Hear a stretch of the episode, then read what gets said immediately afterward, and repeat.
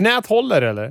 Ja, peppar peppar, men än så länge gör det det. Ja, fan vad skönt. Men jag spelar ju med ett gigantiskt stunning Steve Austin-skydd på knät.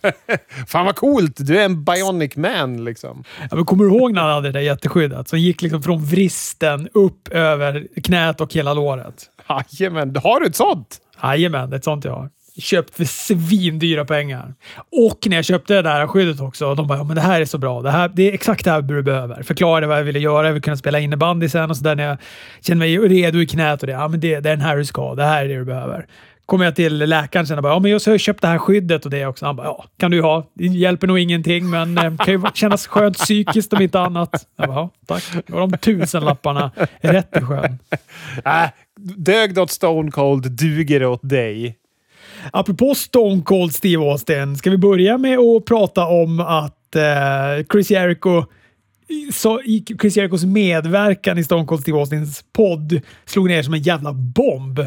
Det är helt sjukt. Det var ju typ dagen efter första april.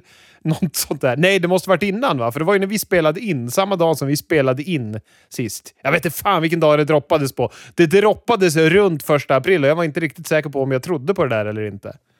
Nej, men vi hade spelat in en podd på, eh, på fredagen på dagen och det här kom sen på fredag kväll. För jag kände mig också jävligt sur för att vi missade att prata om det och nu blev vi helt plötsligt sist på bollen istället för först på bollen. Nej, men det är ju fortfarande lite overkligt. Det sker ju när den här podden har precis har släppts, typ. För det är ju på söndag, va? Det går upp på WWE Network. Ja, jag tror att det är det första som händer efter WrestleMania. Dag två. Ja, precis. Oh, då, då ska man ju försöka. Du kommer väl säkert se WrestleMania live. Jag kommer ju behöva se det eftersänt och sen så behöva se den där också. Oj, oj, oj. Nej, det är stressigt, men nej, jag, jag kommer nog. Jag, jag jobbar när dag två WrestleMania är. Däremot varit ledig hela den här veckan, vilket har varit väldigt, väldigt gott. Jag har ju kunnat se NXT live båda nätterna och det har ju varit eh, väldigt, väldigt trevligt. Ja, fan vad schysst. Eller väldigt trevligt. Första natten var trevlig. Andra natten var väl lite halvtrevlig tycker jag. men det kanske var värt det ändå. Ja, ja gud ja. Alltså det var ju inte dåligt andra natten. Men om första natten kändes som ett takeover så kändes det andra natten som ett NXT, en NXT-onsdag. Ja, vi kommer ju dit sen. Jag vill inte blåsa allt krut på och, och prata om det än, känner jag. Men jag håller ju med dina tankar lite. Jag kan ju berätta lite om New Japan Pro Wrestling, för där har ju Will Osprey lite oväntat klivit in och tagit eh, världsmästartiteln av Kota Ibushi. Ja, Sjukt! Ja, det var fan sjukt. Alltså, grejen är så här med, med Will Osprey att man vet ju att han någon gång skulle ta den här titeln, men att det skulle ske nu kändes ju ett, typ lite tidigt och två, för tidigt. ja, men det känns ju för tidigt både för honom och för Kota att tappa titeln också. Ja, men eller hur? Eller hur? Det är det som är grejen. Alltså att, att Kota Ibushi är liksom han har knappt kunnat ha den där jävla titeln. Han har ju faktiskt inte ens haft den runt midjan. Jag kom, vet inte om det är bara det här nya bältet som han inte haft runt midjan eller om det är tidigare också. Men nej, det måste bara vara det nya bältet för att han menar på att han har inte vunnit det utan han har fått det. Även om det är liksom samma bälte som de då bara har knöglat ihop och gjort det till ett nytt bälte så tycker han ändå att han ska vinna en match innan han får sätta det runt midjan. Så att han har liksom alltid bara gått med runt över axeln istället. Nu behöver man ju inte bry sig om det, för nu är det skitsamma, för nu har han inte titeln och längre ens. Nej, men de gick en, jag har bara sett den matchen. De gick en helt fenomenal match mot varandra. Eh, jätte, jättebra. Sista fem minuterna var bland det bästa jag någonsin har sett tror jag, i wrestlingväg. Det var fruktansvärt bra alltså. Osprey kickade ut från två Kamegoyes, satte en hidden blade och eh, pinnade Bushi efter en eh, stormbreaker. Ah, coolt. Och sen efter matchen då är också så här, äh, Osprey skiter helt i, eh, i Kota Ibushi efter det. Då börjar han bara prata om Okada. Han vill ha Okada. Han är ju besatt av att han måste vinna över Okada. Det är liksom större för honom att vinna, vinna över Okada än att ha det där bältet. Vilket jag gillar. Jag gillar den. Det är väl lite själva... Det kanske var lite Omega Okada-grejen. De kanske har gjort den grejen lite redan. Men, eh, men, äh, men jag, jag, jag gillar att han är så besatt av att vinna över Okada. Ja, roligt. Men eh, då kom Shingo Takagi in och sa att han förtjänade matchen för att han hade ju vunnit över Okada i en match tidigare. Och då blir det så att först ska Osprey då trockla sig igenom Takagi på nästa stora gala och sen då om Osprey fortfarande är mästare, vilket han förmodligen kommer vara, så då ska han möta Okada på nästa stora gala. Ja, just det. Vad heter det? Passar han som heavyweight, Osprey? Brottas han annorlunda, tycker du, eller hur, hur känns han? Ja, ja. Oh, ja. Han har ju biffat på sig väldigt, väldigt mycket. Så, så det, det, han har blivit mycket större och han brottas på ett annorlunda sätt. Det gör han. Vad heter det? Jag måste bara passa tillbaka till Stone Cold och Jericho. Jag, eh, vad säger det här om Vince? Är han, bryr han sig inte om AEW? Tycker han att de är inte ett hot? Eller har han inte förstått vad det är han har tackat ja till? För han hade ju bara svarat med ett OK till Steve Austin när han hade skickat sms om han kunde få med Jericho. Men då hade ju också i sin tur, hade ju Steve Austin igen bara, vänta nu, är det alltså okej okay att Chris Jericho kommer till min podd och pratar och det distribueras ut till en massa lyssnare? Okej, okay, hade han svarat igen. Så Steve Austin var väl lika chockad som alla andra. ja, jag tycker det är kung att han tycker att fan, nu har du brunnit för gubben. Men det, det, kan ju, för jag läste att eh, CM Punk tyckte att ja, men det här visar ju bara hur, på hur liten vinst tycker AEW är och att han inte bryr sig. Det känns ju som att det är en massa andra lägen som han bryr sig. Varför håller han då på att signa upp en massa brottare? Ja, det, är i och för sig, det behöver ju inte vara att det är just AW som han är rädd att de ska gå till. Men vad ska han annars vara rädd att de ska gå till? Ja, exakt. Det är, eh, det är väldigt underligt, men det kan ju vara någon annan. Det är kanske är Triple H som är smart och signar upp dem, eller är i örat på vem det nu som är talent acquisition i, eh, i WWE. Medan det är Vince som bestämmer sådana här saker och han kanske tänker fuck it. Liksom. Apropå eh, CM Punk så utmanade också Will Osprey CM Punk efter...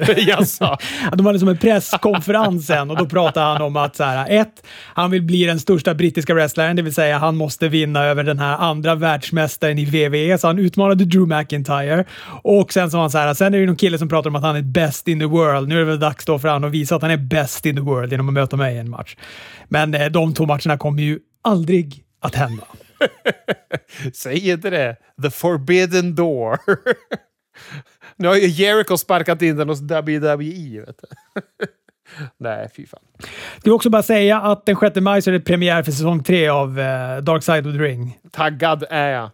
ja, jag med. Brian Pillman, Nick Cage, uh, Collision in Korea. Det vet jag faktiskt inte vad det är för någonting. Ultimate Warrior har de ett avsnitt om och uh, Dynamite Kid och Grizzly Smith. Visst är Grizzly Smith Jake the Snakes Roberts farsa. Jajamän, som eh, våldtog hans mor och när han var tillsammans med hans mormor och grejer. Enligt utsagor. Då. Ja, det är ju så men det är ju alltså det är bland det mörkaste som finns. Den sekvensen med eh, Jake the Snake Roberts och hans farsa Ja. När de inte pratar med varandra. Ja, precis. I Beyond the Mat, den här filmen då, där de inte, där de inte pratar med varandra.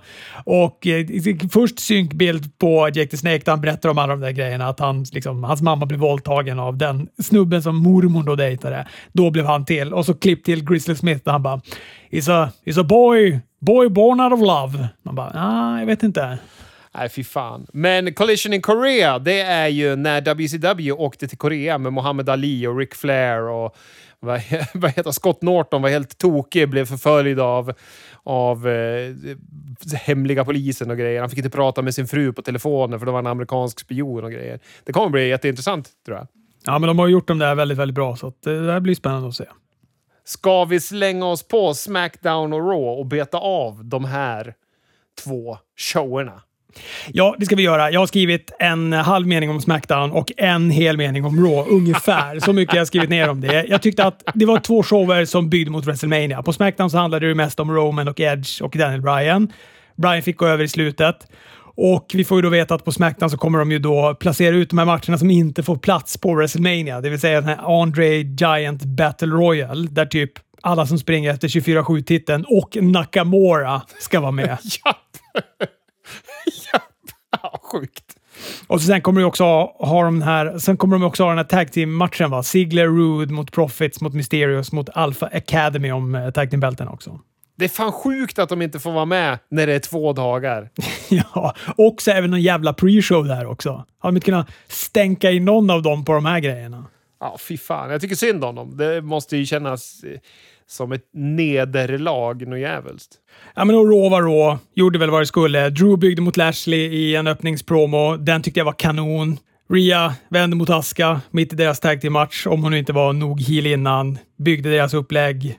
Miss Morrison målade med röd färg på Bad Bunnys dyra bil. Och så blev det ju tag match av det där nu. Ja, jätteskönt att det är spikat att det är det, så att vi kan få ut någonting bra av matchen. Och så mötte Drew och Corbin varandra i en lång avslutningsmatch. Jag tror det var 20 minuter, Baron Corbin. Herregud. Men jag ska ändå säga att jag tyckte att den var okej, okay, den matchen. Vet du, jag har inte ens sett den. Det kan ju inte ha varit bortklippt. Nej, det var den inte. Jag, jag, jag såg fram till main eventet och så tänkte jag att jag skulle se det, men sen så har jag plöjt båda Hall of Fame, sen Dynamite och båda Stand and Deliver. Så att Corbin och Drew kände jag att jag tror Drew vinner, så jag skiter i den här. ja, det gjorde han också.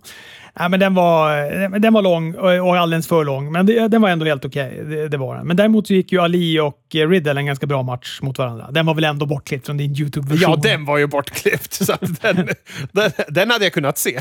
Ja, men så det var, det var Raw bandat Raw. Enligt eh, Sebbe så bandades också kvällens Smackdown, alltså den, det vi kommer få se nu ikväll då när vi spelar in här på en fredag. Det Smackdownet bandades redan innan förra veckans Smackdown. Jaha, oj. Tråkigt. Ja, men du nämnde Hall of Fame. Vad tyckte du? oh, fy fan. Alltså, eh, Hall of Fame, det brukar vara en av mina höjdpunkter så här under WrestleMania Weekend. Jag tycker att det kan vara skitbra. Det har ju såklart sina extrema dalar varje år. Det är alltid någon som är ett sömnpiller. Larry Sabisco är ju den skinande stjärnan i dåliga exempel. Men eh, det här var ju, det var ju så... Oh, det var så dåligt när det inte var någon publik. Inga som induktade dem. Men vi fick ju ett par bra tal. Jag tycker Rob Van Dam gjorde ett fantastiskt bra tal. Det enda jag störde mig på talen var ju att de var så jäkla friserade. Alltså de var så hårt klippta. Alla var ju exakt på tidpunkt. Japp. Det var Yasin Tanulagi. Hans tal var väl kortare än, än videopaketet var innan med honom. ja, men det var tur det, för jag kunde inte stå ut med att titta på hans snea mask längre. Kunde inte någon bakom kameran bara säga rätta till den? Men han var ju väldigt rörd av det, verkade det som. Så att jag, han, det var jättekul att se honom och att han, han verkligen alltså, och buga hela tiden och verkade vara tårögd. Och, ja, det var härligt. Pluggade New Japan Pro Wrestling också, det gillade jag. Också att han hade ja, lite, ja. lite subtilt tryckt ner en så New Japan Wrestling scarf i bröstfickan också. ja, härligt. Äh, men jag, jag håller med. Jag brukar också gilla uh, Hall of Fame. Jag tycker att det kan vara ganska spännande att se på. Jag gillar också att jag ofta blir rörd av i alla fall några. Inte alla, men i alla fall några. Ja, ja. Det blev jag inte alls här. Ingenting rörde mig. Nej, det var svårt att bli rörd, men jag tyckte att Rob Van Dam hade ett bra snack. Jag tycker även att X-Pacs del av NWOs tal var bra och även Scott Halls del tyckte jag var bra. Tyckte även, fan, jag tyckte att alla utom Hogan var helt okej okay i NWO. Hogan han visste ju inte när han skulle sluta prata, men jag tycker att det är skönt att han switchar så att den är Hollywood. Han kör ju inte den här pastischen som han har blivit, utan han, han tog ju an den personen som var mer Hollywood Hogan när han körde talet. Och då, då kände jag, fan, han, han har ju inte blivit senil än i alla fall. Nej, men jag störde mig på att han bara pratar om NWO i VVE. Ja, det gjorde jag. Det störde mig också väldigt mycket. Det kändes som att de hade blivit scriptade att göra det, typ. Också att när Vince hade pipat in one more match när Bellas höll sitt tal. du, det sket jag också i att se. Jag, sket fan, jag, jag stod inte ut med att Bellas skulle in. Men visst, ryktet säger att de är på väg tillbaka. Nej men vad i helvete. Jag, jag är ingen stor Bella Twins-fan. Faktiskt. JBL var väl den som var oskönast. Speciellt när hon där påbörjade att be om ursäkt i slutet. Att det var som att man skulle be om ursäkt för det här att han... Menar, han har ju ändå tryckt om, om sig att han är en jävla röv. Yep, och så yep. skulle han liksom ta upp det, men då bara vände han i slutet och säga ah, jag gjorde det för att jag är JBL och jag skulle inte vara här ifall jag inte var JBL. Cry me a river. Ni som har tjafsat om det där. Man bara, ja, det var ju charmigt gjort. Ja, fy fan alltså. Ja, men du, Takeover. Ska vi prata om det i den ordningen som vi typ har tittat på det? Att vi börjar med Takeover 1, sen tar vi lite AW och sen tar vi Takeover 2. Eh, Vi kan börja i den ordningen du har tittat på det, för jag tittade på Dynamite först. Så vi tar, vi tar Takeover dag ett först. Kollade på pre-showen gjorde jag till och med den här gången. Jaha, Även vad var det för pre-show? ja, men jag såg också, måste jag säga innan bara, att jag såg också presskonferensen som var typ tidigare under dagen. Jaha, helvete. Ja, det var är vad det är. De ställde frågor och sånt där till alla brottare. Men Walter är alldeles för bra på engelska. Han ska ju knappt kunna prata engelska. Helst bara tyska. Åh, vad besviken jag blir! Vad besviken jag blir att, att Walter är dålig. Eller är dålig, att han är bra på engelska. Han, det, han ska ju vara som Yoshirai. Yoshirai svarade ju bara på japanska och sen var det en tolk som fick översätta vad hon sa. Ja, han ska, ju, han ska ju vägra prata engelska. Han ska ju förstå engelska perfekt, men vägra tala det. Han sa också att han ville möta Champa för tio år sedan. Inte Champa som är idag. Idag är han en grå gubbe med långt, långt, långt grått hår. Det var han inte intresserad av. Fan, hårt! Kan ju vara därför också Champa inte hade något hår nu när han kom in i matchen mot Walter. det kan vara så. Ja, men pre-showen var Tony Storm mot eh, Zoe Stark. En, eh, en inte så klassisk pre-show-match. De här två gav fan järnet. Så att, eh, jag tyckte den var en, en, en bra match. Mycket, mycket utrymme till Zoe Stark också. Hon lyckades vinna. Hon vände en Storm Zero. Inte så graciöst, men till en brygga och vann matchen. Ja, kul. Jag tror ju stenhårt på Zoe Stark som sagt. Och vad man kände ändå att det var skönt med lite, lite publik för en gångs skull. Ja, verkligen. Det ska bli spännande på WrestleMania att se hur de kommer... För då kommer det väl ändå vara mer folk än det där? Här var, jo, men här var det 100 pers kanske. Ja, det var inte mycket här, men det gjorde ju verkligen någonting med stämningen. Och även tycker jag att brottarna reagerade på ett helt annat sätt i hur de förde sig och så. Och att eh, Tony Storm som ändå är råhel fick råpops. Det var ju bara Tony Storm eh, chants inledningsvis i den här matchen. Det är väl här Win sitter och sliter sig i håret. Nej, just det. Det är så här det var ja. De hade ju riktiga känslor de här människorna. Han sitter och du, försöker återkalla okejet till Stone Cold på sms. Eh, Pittan mot Kushida, första matchen på huvudgalan. Bra match. En eh, inledande mening jag kommer ha på samtliga matcher när det gäller den här första natten.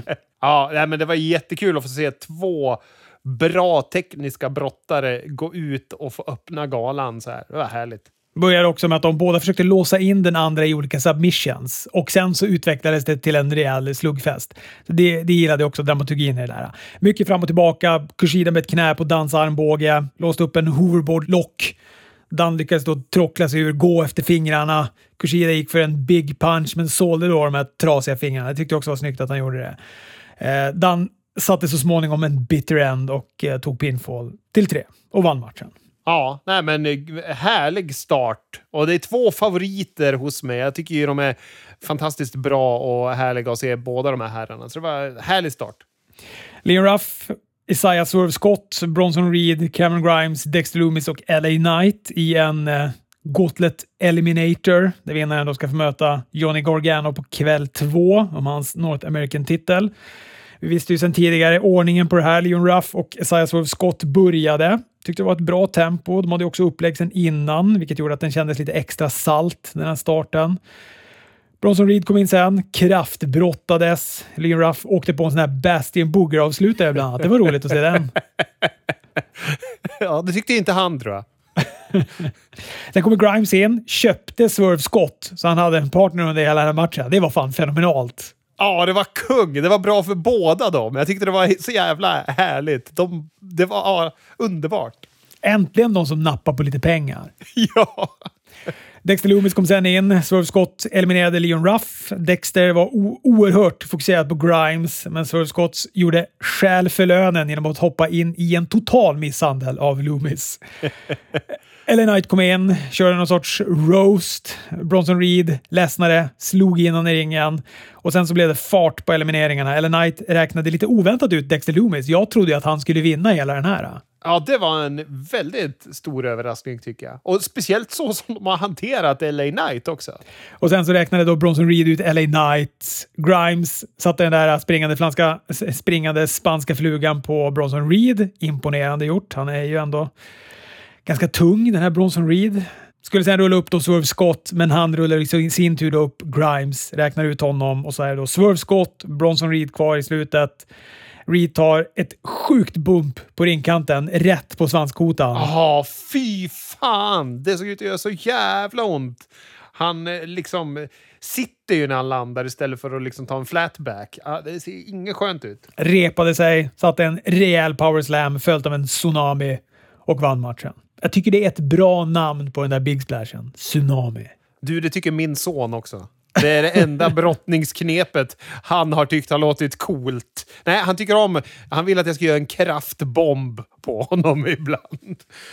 Men det här, det var ju en bra match som fan tycker jag. Underhållande. Ja, jätte, jättebra. Jätte, jättebra. Jag var jätte, jättenöjd med den här. Jag var också väldigt nöjd med att Bronson Reed vann. Har i mina noteringar skrivit “hoppas han tar titeln”. Nu har jag ju facit i hand med hur det gick, men, men eh, jag, eh, när jag såg att Bronson Reed vann det här eh, så kände jag “ja, men vad kul”. Och nu får vi han som, som mästare också. Ja, exakt. Och sen så vad heter det, tycker jag att de gav Isaiah Swerve Scott väldigt eh, mycket tid att skina i den här matchen. Han fick nog ut mest av alla i den. Sen Walter mot Tomasa Ciampa för NXTs United Kingdom-titel. Vilken fest det var här! alltså, ja, jag skulle inte vilja vara domare i den här matchen ens, för jag skulle vara så rädd.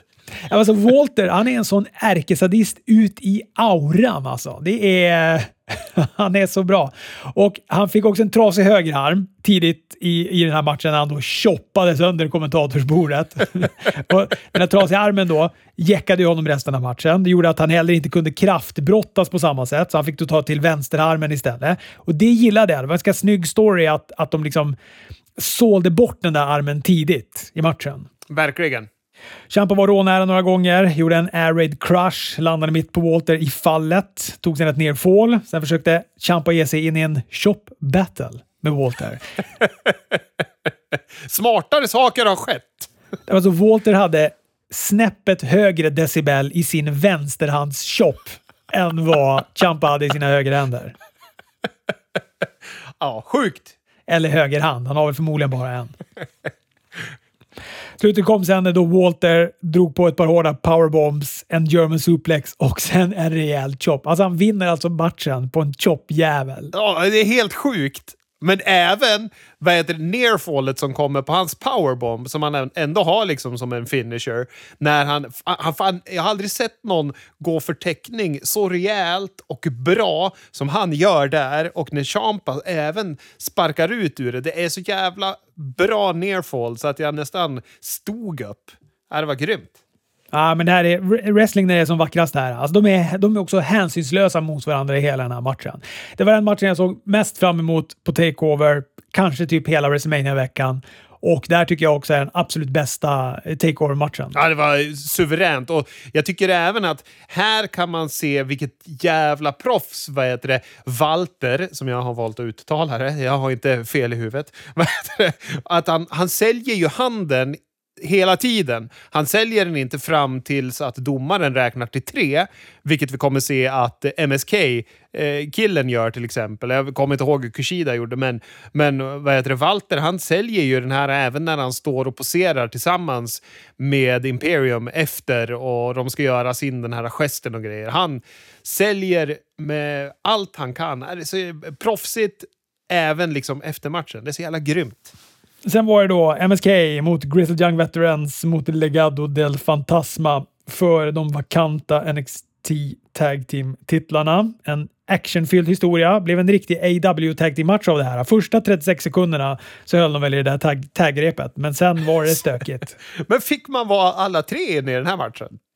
Men de var väl, det var väl en, en three-way, var det inte det? Alltså de var, jo men precis, de var ju tre inne, men alla skulle väl inte vara inne, men alla var ju inne till slut. ja, men det var rörigt även att man kunde vara tre. Det brukar de inte få vara. De brukar ju få tagga in och så här. Men det var högt tempo och eh, kändes verkligen AEW-ikt.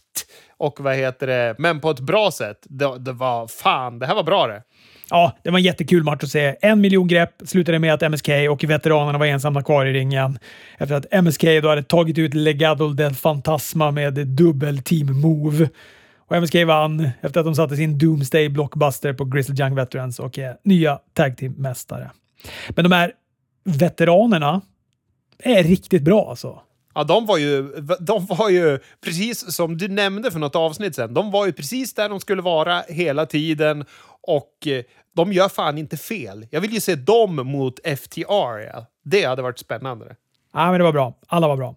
Yushirai mot Raquel Gonzalez är då main eventet på kväll ett för världsmästartiteln som Yushirai innehar. Börjar i ett jäkla tempo. Dakota Kai åker ut efter bara några minuter efter, hon, efter att hon hoppade upp på ringkanten och började dividera. Shirai satte en springboard moonsault från ringkanten ner på golvet som ofrivilligt också blev en DDT. För hennes arm typ fastnar runt huvudet på Gonzales så att hon då drar det i alltså bakhuvudet i kravallstaketet. Vilket är elakt. Ja. En annan grej som jag också tror var ofrivillig, det var, jag vet inte om du noterade det, men det var en armbåge ganska tidigt i matchen av Gonzales som jag tror skulle sitta i magen, men Gonzales längd plus lite adrenalin gjorde att den här armbågen tog rätt i Venusberget på Shirai. Ja, jag alltså, såg det. Det såg inte skönt ut. Hon bara säcka ihop också direkt. Ja, fy fan. Shirai med en big splash från den här takeover dödskalle-interiören på entrén. Såg rå ut. Det var en jävla tuff landning av henne där. Ja, shit. På någon metallgaller liksom. Ja, small på det allt. Moonsault in i ringen. Gonzales kickar ut. En lariat som vänder Shirai in, in och ut. En enarmad powerbomb och vinst. Och ny mästare. Jättekul. Jätteroligt tycker jag. Nej, men det här var fantastiskt. Sen eh, kollade jag på AW direkt jag vaknade dagen efter. Eh, fick en smock chocka av att Max Caster då är typ rankad nummer tre i det här luddiga rankningssystemet som AEW har. Alltså. När blev han det? Har jag ens sett tre matcher med Max Caster? Han, han, hans partner har ju varit skadad, så han har väl gått en massa på Elevation här. Och sen gick han ju någon på Dynamite också. Ja, men det är ju en massa loserbrottare på Dark. Vad fan, det kan ju inte räknas in i det här rankingsystemet. Jag tycker det är så luddigt. Ja, men vad fan, tror, tror du Brage säger så när de vinner över loserlag i Allsvenskan? Ja, jag kan ingenting om fotboll, men jag vet att farsan höll på Brage. Spelar ju ingen roll vilka man vinner över. En vinst är en vinst, för fan. Nej, jag håller med dig. Det är, eh, kändes inte legitimt med honom som rankad trea. Han går i alla fall en match då mot Adam Page. Det är en, eh, ja, det är en match med väldigt mycket interference från den andra killen som jag tyvärr glömt namnet på. Men Hangman vinner... Boden, va? Vad sa du? Anthony Boden, heter han det? Boden? Heter han Boden? Boden, med ett W i Boden. ja, Hangman vinner i alla fall, behåller eller klättrar i den här luddiga rankingen. Rätt lång match. Jag har sett bättre. Ja, den var slarvig. Det kändes som att Caster inte var beredd på en sån här high profile öppningsmatch liksom som skulle, skulle vara bra. Han slarvade ju till det ganska mycket. Eh, tycker även det var intressant att han är ju tre år äldre än Hangman, men Hangman har sex år mer wrestlingerfarenhet än han. Shivani ska intervjua The Death Triangle, men avbröts av Best Friends, eh, Orange Cassidy och Chris Statlander. Eh, intervju, eller, jag vet inte riktigt vad de här gör. De pratar om att de ska ta tag team-titeln, men vad fan, Death Triangle har ingen jävla tag team-titel. Nej, men ska de få möta Bucks då om de vinner över Death Triangle? Jag vet inte. alltså också att de är “The boys are back in town” och den här gången har vi en utomjording med oss. Då, så syftar de ju på Chris Statlander. Ja, det var luddigt det här också. Jag känner att jag var eh, frustrerad på AW. Jag tyckte det var alldeles för luddig start det här. Jag är inte van det. Men jag tycker ändå att det var skönt att de gjorde en callback till när... Det var ju alldeles innan pandemin smällde till, när det var tänkt att den här matchen skulle bli av. Men de fick avbryta det för att Park vart ju fast i Storbritannien. Så jag tycker det var schysst att de ändå påvisade det upplägget som var och hade en callback och att nu ska vi få en payoff på det. Så det uppskattar jag ändå. Ja, ja. Sen tog sig AW för vi fick en otrolig promo av Chris Jericho där han hyvlar av varenda tvåbent medlem i The Pinnacle. Och eh, om man någonsin börjar tvivla på Jericho, om man fortfarande har det, så kliver han upp och gör en sån här som JR kallade en odödlig promo. Alltså den var fantastisk den här. Han är så fruktansvärt bra karln. Ja, ja, det var Jaha, det går inte, jag, jag, kan inte tillägga någonting. Det var bara fantastiskt. Jo, jag kan tillägga att han såg lite gammal ut för han hade inte färgat sina gråa skäggstrån och gråa hårstrån. Men jag tyckte han klädde i det. In, han såg inte ut som den här förvirrade gamla mannen som Edge. Nej, jävlar vad han ser gammal ut. Det är helt sjukt. Ja, ja, jag börjar vara helt på Vince sida. Det är jättejobbigt. Det sjuka är ju bara att i Hall of Fame, när de då gör en intervju, de hade ju massa back, så här, intervjuer, inslag då emellan de här uh, induktisarna. Aha. Då gör han ju en intervju med Edge. Ser jättefräsch ut. Men direkt Ja. han klär av sig kläderna och ställer sig i ringen, då ser han ju skitgammal ut. Ja, ja, ja. Det här slutade i alla fall med att eh, de utmanade Pinnacle i en Blood and Guts-match den 5 maj. Så jävla härligt det ja. För den vart ju också avblåst, fast då var det ju mot Cody och gänget. Eh, Den vart ju avblåst på grund av covid också.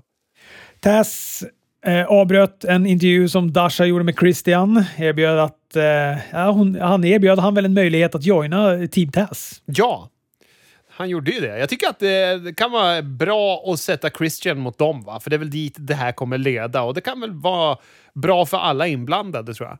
Ja, nej, men jag håller med. Jag tycker också det där var ganska spännande. Jag måste bara få vad heter det, prata om Christian Cage och hur han har kommit i form. För han pratade ju om det när han var på Jerichos podcast. Har du hört det här? Nej, inte.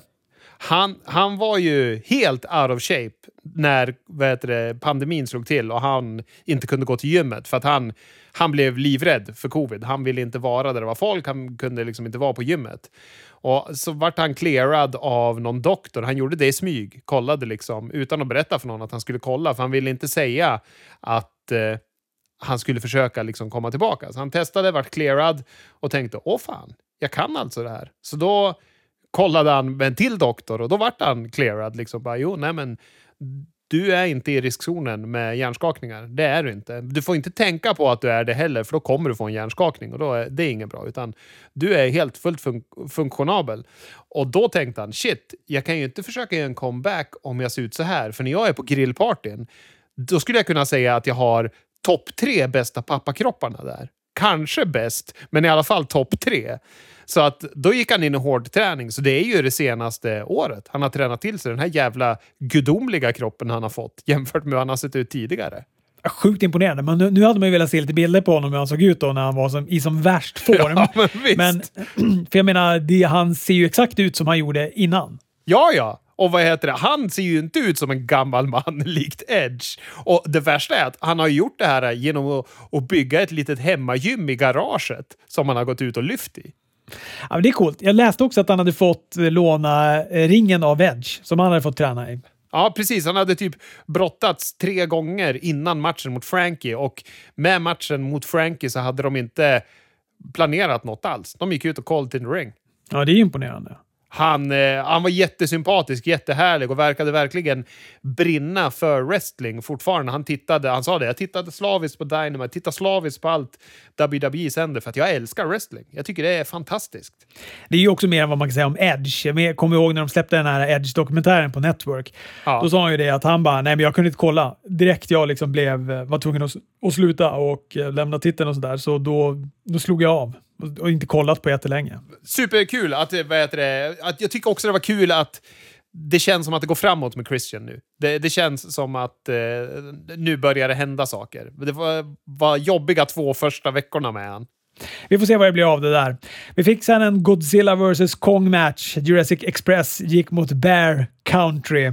Vad var det för masker de hade på sig, de här björnarna i början? Ja, det är ansikten fast i antingen en björnfälla eller en björnkäft. De är ful och diffus i alla fall. Ja, men verkligen. Ha bara en jävla björnmask på er istället då. Ja, exakt.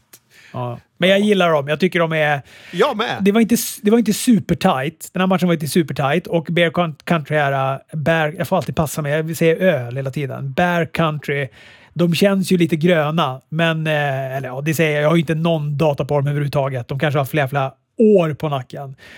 Men, eh, men de fick en del utrymme, men vinsten gick till Jurassic Express. Boulder Björn skickades ut ur ringen av Lucha, sen en chokeslam följt av en stående moonsault på Bronson Björn, som jag tror missade lite, för var det inte som att Jungle Boy fick påminna honom i slutet där? Du, nu ska du gå dit, gå dit. Så gjorde han det.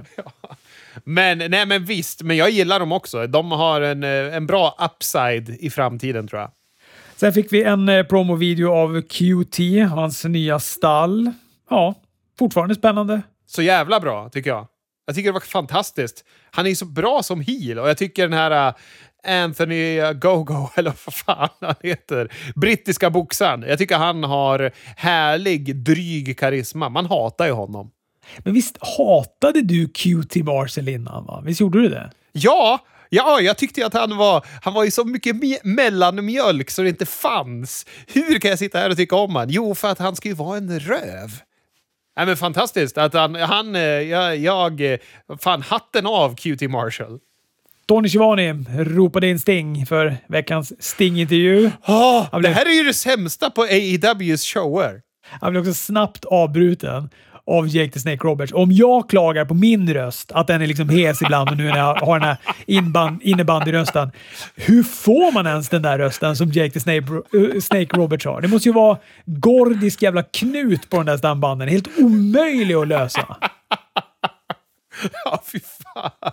Och, ja, han skulle ju kunna starta vad heter det, någon jävla band med vad heter det, Edge och heter de två seniorerna. För gud vad han är gammal. Jag älskar Jake, men kan de ta bort honom från tv? Ja, Archer avbryter i alla fall. Tog jag på mig att det är han som borde vara den som intervjuas. Bla, bla, bla. Sen, chockerande. Ett, chockerande att Sting tar ton. Han liksom ja. pratar för en gångs skull på ett Dynamite. Skäller ut Archer efter en noter för att han slarvar bort sina chanser och att han nu liksom får skärpa till sig. Ja. Och jag har ingen aning om vad det här ska mynna ut i, men Sting kändes ju snarare som hans mentor här än, ja. än ett potentiellt motstånd som jag trott att det här har varit på väg i i riktning tidigare. Vem är det som har kommit med den här pitchen om den här storylinen? För att det här kommer ju från någon av The Boys, känns det som. Det är ju Sting eller Jake som har pitchat det här till Tony. Darby Allen gick match mot JD Drake om eh, TNT-titeln. JD hänger ju med Nemeth och Cesar Bononi. Men eh, jag tyckte det här var en riktigt bra match. Det var ju en uppvisning utan dess like av den här Drake i alla fall. Ja, men han har ju en härlig old school-stil, tycker jag. Men han, är sån han ser ju inte mycket ut för världen. Han har ju en... Men han är lite Kevin Owens på det sättet. Nu, nu har ju Kevin Owens... De skulle behöva Ken, Kevin Owensifiera honom lite. Alltså typ hänga på honom lite coolare kläder, ge han lite mer gimmick. För han... Alltså bara hans brottarkläder eh, skriker ju typ korpen. ja, han är AEWs svar på Brage, är det så? ja, typ. Så det är liksom Korpen-gimmick och Korpen-kläder. Och Korpen-fysik. Ja, nej, men, men, och det är det som gör att det är roligt att se han få gå en bra match. Ja, för att han är kanonbrottare. Ja. Han puttade ner Allen från topprepet eh, när han var på G med en coffin drop, en cannonball på Darby. Han hängde i ringhörnan, det var jävligt snyggt. Waderbomb gick för ett nära pinfall.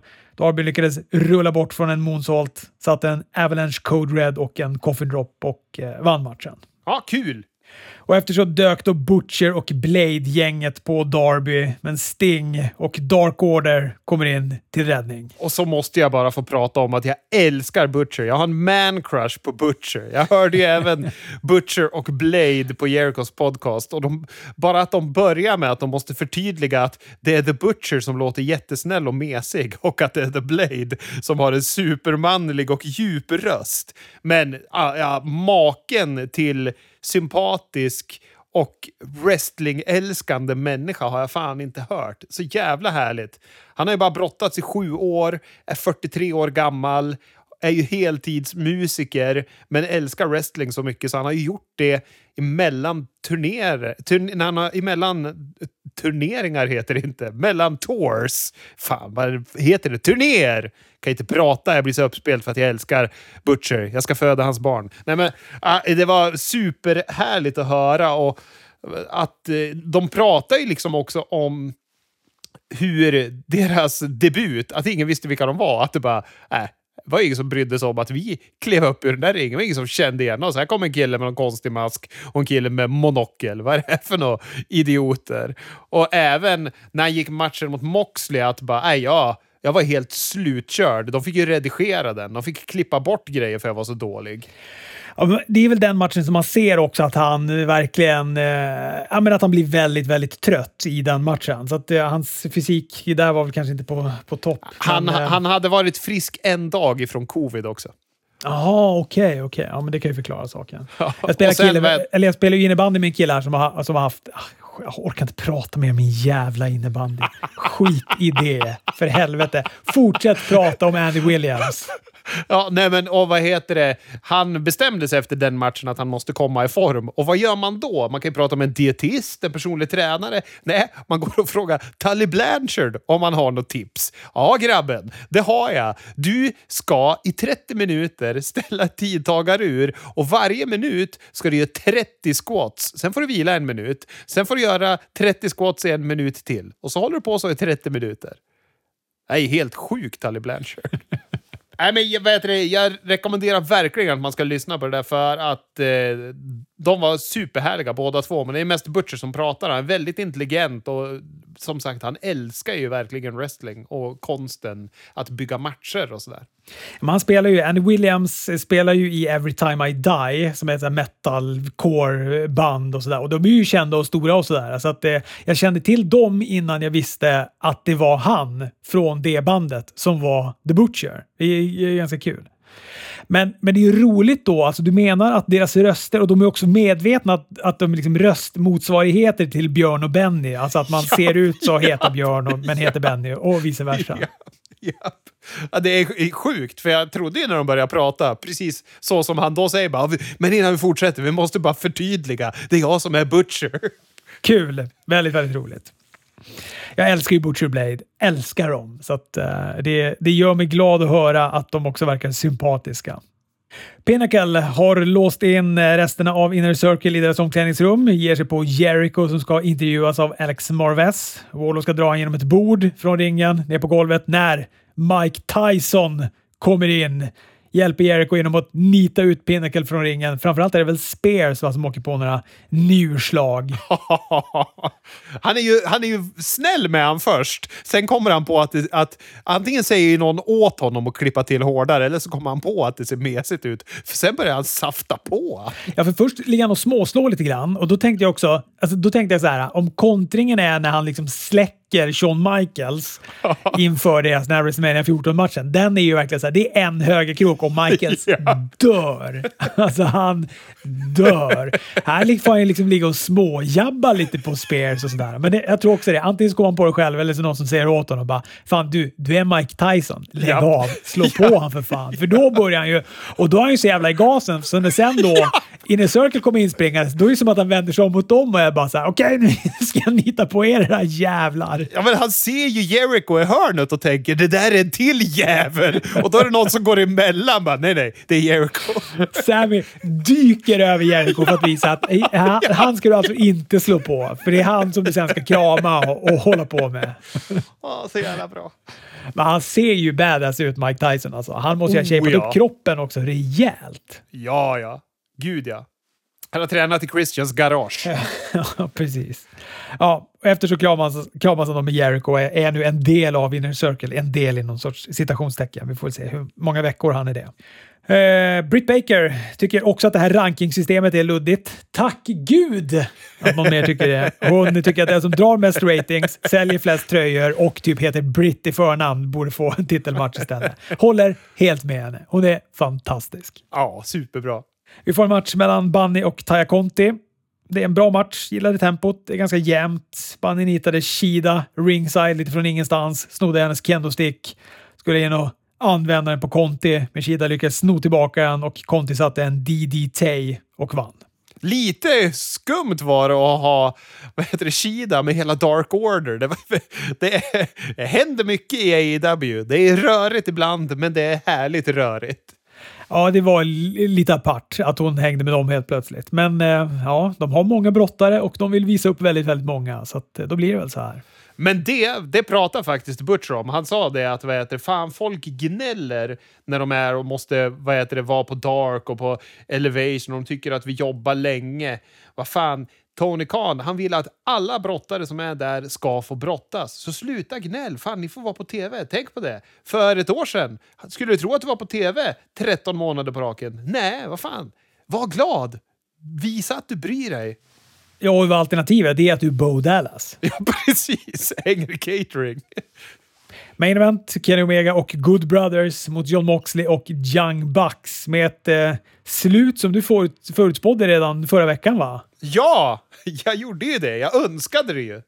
Ska börja önska mer saker. Marty Ginetti på någon av showerna nästa vecka, tack. Jag blev ändå chockad alltså. Eh, Eller redan. Jag, jag tänkte väl kanske att det här skulle komma förr eller senare i en situation där Omega blir face. Men eh, för Elite känns ju väldigt mycket mer face för mig än vad de känns heel. Men eh, nej, jag, jag blev chockad av det här. Det var ju superbra. Superbra gjort tycker jag, slutet. Just att bröderna tvekar. Du kan ju få referera det lite så folk får en bild av vad fan som hände här. Nej, men det var ju, framförallt var det ju Matt som tvekade. Han tvekade ju när de skulle göra den här BTE-triggern på Omega i slutet. Han var ju väl, alltså han var ju liksom emotionellt i, i emotionell konfrontation med sig själv när det gällde Omega i hela den här matchen.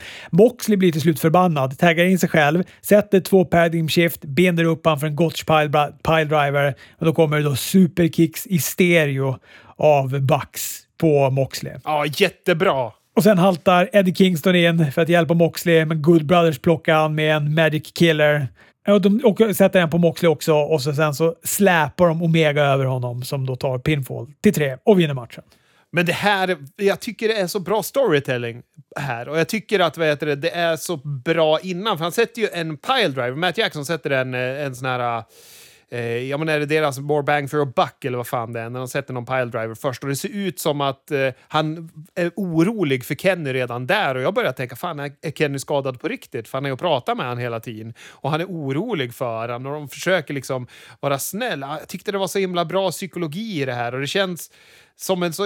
Ja, det är så bra byggt storyline-mässigt här att vi får nu fan Moxley och Kingston mot de här jävla riksasen i The Elite som de blir när de går ihop. Det är så jävla bra! Ja, men jag håller med. Jag tycker också det här var jätte, jättebra. Och jag gillar också att det bara är Matt egentligen som. För Nick är ju lite så här, ja, ja, jag kör på och så är han typ Exakt. Gör han en fem plus match. Han gör en match som är, han är ju fenomenal i den här matchen. Han är ju alltid fenomenal, Nick Jackson. Men, men, och så är det ändå som så här att, ja men okej, nu är Matt, nu vill inte Matt längre. Nu är det andra som gäller. Okej, så finns det det. För att det är så här, familjen, för att citera jägarna, familjen Ja. är det viktigaste av allt. Den sviker man aldrig. Ja, men jättebra. Good Brothers höll sen också upp Mox och ville att Bucks skulle superkicka honom igen, vilket de också gör och eh, tar väl med besked klivet över till heel-sidan. Ja, precis. Det var AEW det. Lite svajigt. Ja, lite var det absolut, men det var ju ett bra slut. Och vi fick ju Jericos fenomenala promo, men det var väl det som var de största behållningarna också. Jag vet inte om du har kollat några tittarsiffror, men det var ju ändå... Alltså nu NXT tog ju tittarsiffrorna, vilket var helt självklart att de skulle göra. Allt annat hade varit typ katastrof. Men det var ju inte med så jättestor marginal de ändå tog det. Nej, det var 700 mot 600 någonting va? Ja, och jag menar, har inte så här, en AW har väl varit uppe på så här 800 och nosat när NXT har varit nere på en så här 500 någonting, eller 500-600. Ja, fan. De har ju varit uppe mot miljonen också. På Brody Lee-galan var de ju det. Låt oss då gravitera över till Takeover Natt 2, som vi då kanske redan har avslöjat att vi var lite mer svalt inställda till. En pre-show-match med Brisango mot Drake Maverick och Killian Dane om vem som är first contender till tag team-titlarna, vilket också känns märkligt Ja. att de helt plötsligt är det. Men det förstår jag att, att Drake och eh, Dane vann. För det sa de ju senare på galan. Men jag såg den inte heller. Nej, nej, jag missade också tyvärr den här matchen. Så jag, jag har ingen koll på hur, hur bra eller dålig den var. Kan tänka mig att den säkert kan vara helt okej. Men, eh, men Killian Dane och Drake Maverick vann och det var väl... eh, Ja, men det är väl i sin ordning. Ja, ja. Det, det tycker jag. Även fast jag hatar dem. Jordan Devlin och Santos Escobars stegmatch för att unifiera NXTs Cruiserweight-titel är det som öppnar galan. Det första som händer är att Jordan Devlin drar bakhuvudet rätt i kommentatorsbordet i en Ja. springboard moonsault ut från ringen. Och jag tänkte, nu är den här matchen över. För att alltså den rekylen var rejäl. Ja, verkligen. Men jag, jag blev glad över att galan får börja med att Santos Escobar kommer in och ser ut som en jävla stjärna. Jag vill fan bygga ett förbund med cruiserweights runt honom. Han, han har sån jävla utstrålning tycker jag. Ja, verkligen. Gillar också att han kom in med mask och cape och de här grejerna. Ja. det var snyggt. Ja, fan. Sen vet inte jag om jag är mätt på stegmatcher eller att jag har sett så många vansinniga stegmatcher i AW där det har varit lite stegmatch med extra allt. Den här stegmatchen var bra, men ibland så kände jag som att stegen bara var i vägen. Jag tänkte så här, jag hade nästan bara velat se en helt ren match med de här två, för jag tror att det nästan hade varit bättre, för de är så fruktansvärt kompetenta de här två brottarna. Exakt. Och det var ju mycket, det var ju Escobar fick ju styra och han heelbrottades ju mycket. Och det är ju sällan spottbrottning som liksom man har stegar till. Så att eh, jag håller med, de var mest i vägen, stegarna. Men det var ändå en bra match, men den lyfte ju aldrig. Nej, nej, precis. Nej, absolut. Den var inte dålig på något sätt. Men och det var en del fräna spots också. Men det är två heels som brottas. Det var run-ins av Mendoza och Wild. Escobar vinner efter att han har fått ner Devlin med en skalle från stegen så kraschade han genom ett, ett bord.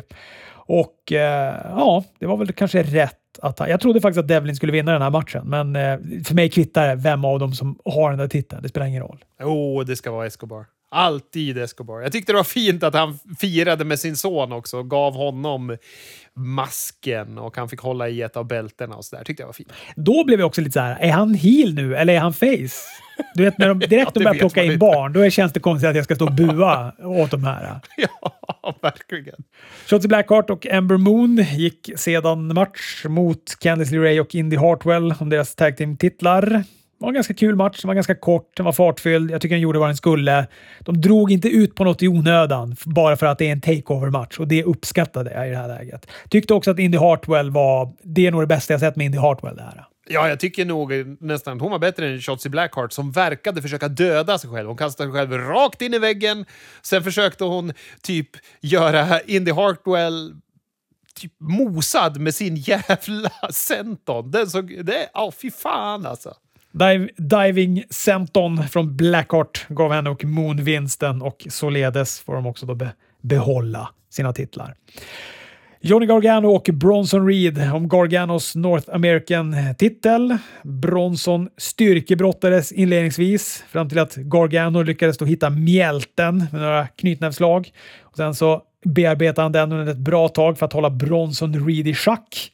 Gargano gick för en final beat. Bronson mötte den med en rak höger. Coolt.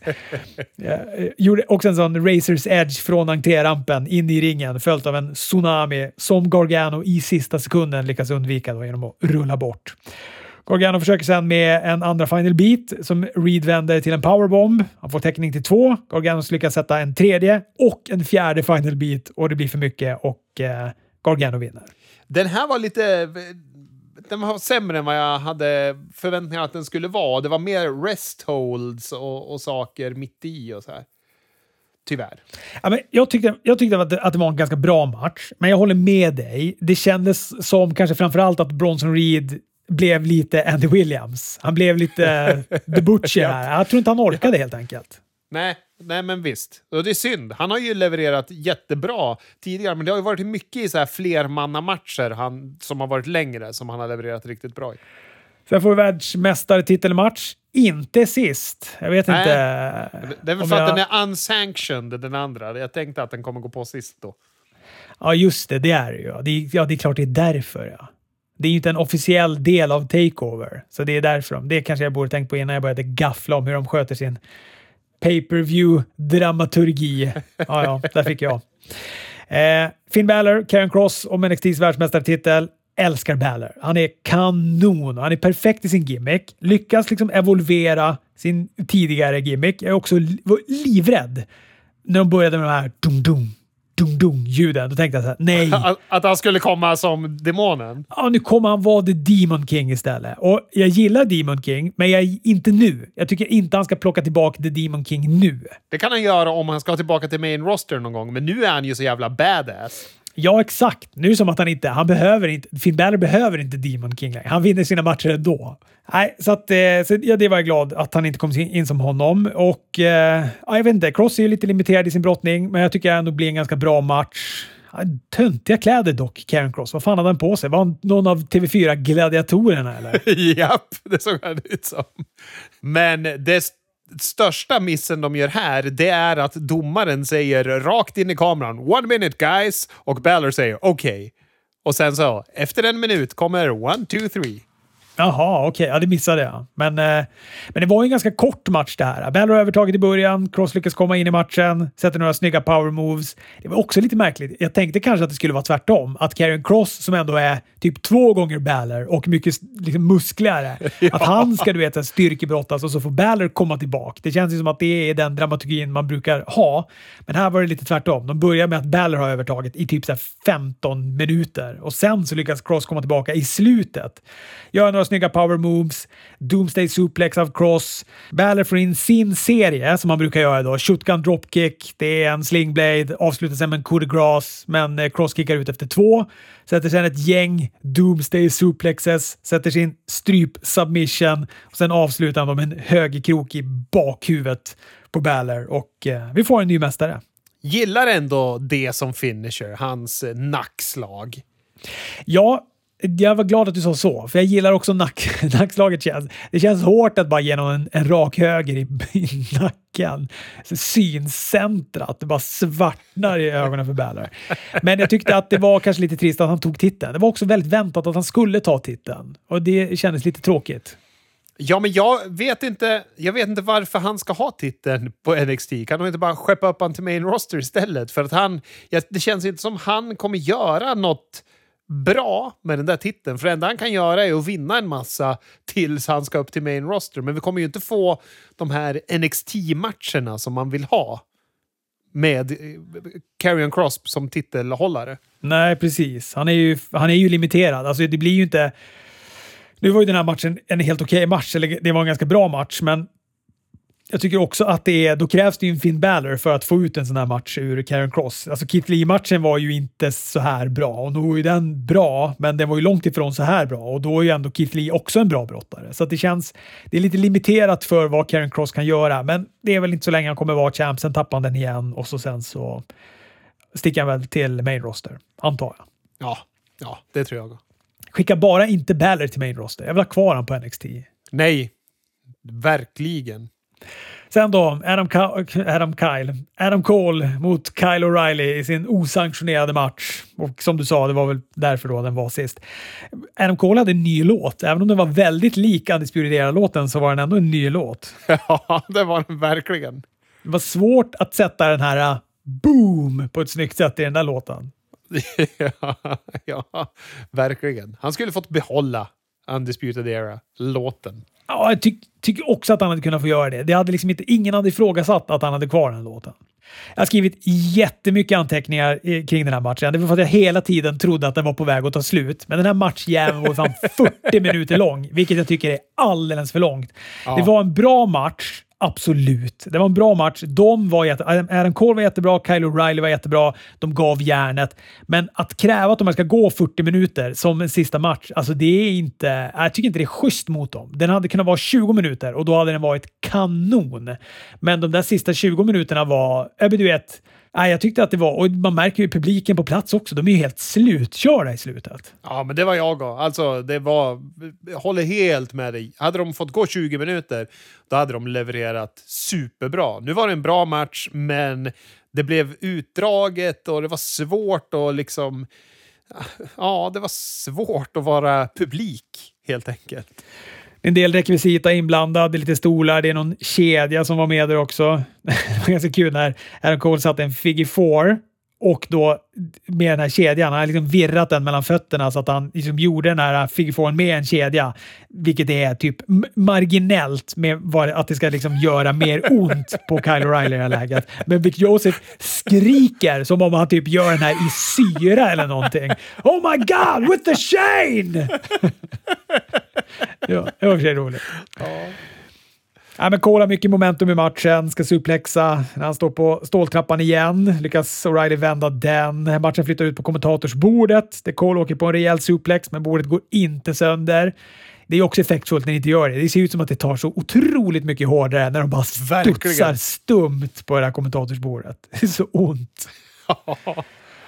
Tillbaka i ringen. Cole har hittat en verktygslåda. De betar av lite rekvisita ur den på varandra. Cole ska dra på O'Reilly med en stol i huvudet, men domaren då skriker att Cole inte vill göra det här. Cole härsknar på domaren, släcker honom. Sätter en Panama Sunrise på O'Reilly, tar täckning, men domaren är utslagen, kan inte räkna ut. Cole då sen med en powerbomb genom en gimmick-del på den här stålrampen som kollapsar. Suplex på ståltrappan, ska sen göra sin last shot, men O'Reilly lyckas ducka den, sätter en egen last shot, tar täckning till två. Sen är det nästan för många vändningar och till slut så lyckas då O'Reilly han klär in väl knät i kedjan igen här och så hoppar han in det där knät i Cole som däckar över en stol. Täckning till tre och eh, O'Reilly vinner matchen. Ja, bra match, för lång match. Helt enkelt. Ja, men som vi sa tidigare, Takeover 1, kanon. Takeover 2, typ en onsdags NXT-episod. Ja, men fortfarande bra, för onsdags NXT-episoder är bra. Men nu kommer det bli tisdag från och med nästa vecka. Det kommer bli kanon att sätta dem på en tisdag istället. Hörrni, nästa vecka då snackar vi WrestleMania. Eh, lägger li lite kanske mer tid på, på eh, ja, Raw framför allt. Det kommer bli spännande. Då får vi ett Raw efter WrestleMania. Det brukar ju vara händelserika med undantag från det enda Rawet jag har sett live, det vill säga förra året. Eller förr, förra året blir det ju. Så, ingenting spännande hände. Jag fick se Undertaker i och för sig, men han är bara en entré. Han är fan ingenting annat. Nej, nej. Hörni, vi hörs!